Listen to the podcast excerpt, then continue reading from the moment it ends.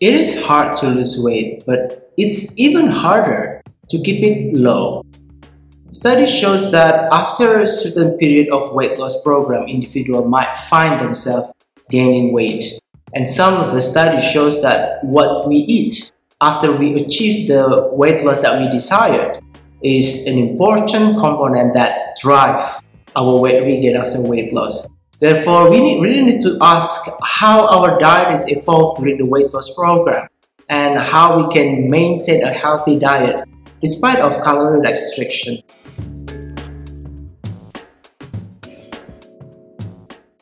Calorie restriction is an important part of a weight loss program because the principle that when we reduce the energy intake in a level that our body need more than what we eat, our body start to burn or to use more fat. But it's very, very convenient for some people to retain their dietary intake. They're just trying to reduce the amount of food without changing the food.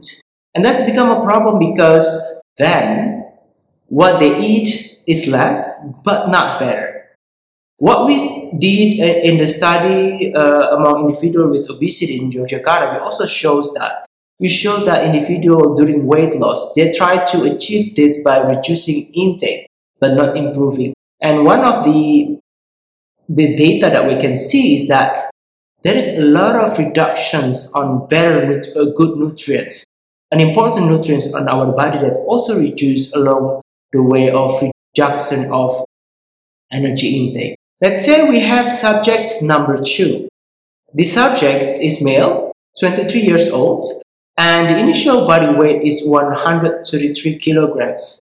In the weight loss program, he'd be able to reduce around 3 kilograms after 2 months. And there is some also changes in body compositions.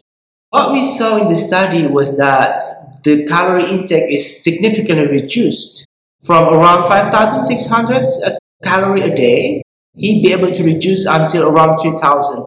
Of course, this is this is one of driving factors that he lost weight because of he he reduced uh, a lot of foods that they eat. But it's also important to take a note that the reduction of energy intake is usually followed by reduction of other nutrients such as vitamins and minerals. And this is something that we would like to highlight in this video.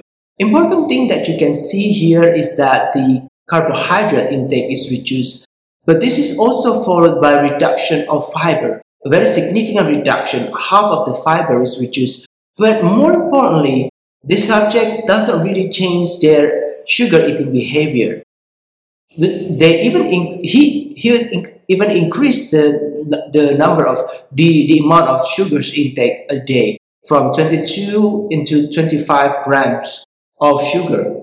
Although this this this amount of sugar is still okay in respect of the maximum sugar intake a day, but it's still there is no improvement on the sugar intake and this is just a saying about the sugar that he usually put in the drink, not the sugar inside the foods or processed food that might present in his daily life. Along with the reduction of fat, we also saw some typical changes on the, the, the whole components of fat. The saturated fat reduced, MUFA is reduced as well as PUFA. So basically a lot of fat was reduced in the study. And Interestingly, we also show there is a huge reduction on minerals intake as well. So selenium, magnesium, zinc, and iron is also reduced. In addition to that, the vitamin index also greatly reduced. At certain point that those nutrients intake, those vitamins intake is rather lower than standard daily recommendations. And because of that interesting changes on nutrients intake, we then interested to understand how this is happening. What changes in his daily life from 5,600 into 3,000. And then we analyzed all the data and found out that along with reduction of rice, which is quite significant, the reduction of 600 a gram a day, which is previously is even more, uh, he also reduces amounts of uh, soy products, which is part of uh, Indonesian staples, as well as vegetables. There's a reduction of 150 5 gram of vegetables is reduced and reduction of fruits as well around 4, 40 grams. So there is a lot of reduction and fruits and on fruits and vegetables along the low-calorie diet instructions. The fish intake is increased because this is something that we recommend, and uh, red meat intake is reduced. So that that that part is good, but we are a bit surprised on how many vegetables and fruits that is being less consumed because of the individuals is undertaking a weight loss program. We also analyzed data from other subjects in this study and showed that roughly around 57% of individuals with obesity who undertook a weight loss program, they reduced the cereal intake. There's also a significant number on the reductions of meat, fish, and soya products along, along with the calorie restriction.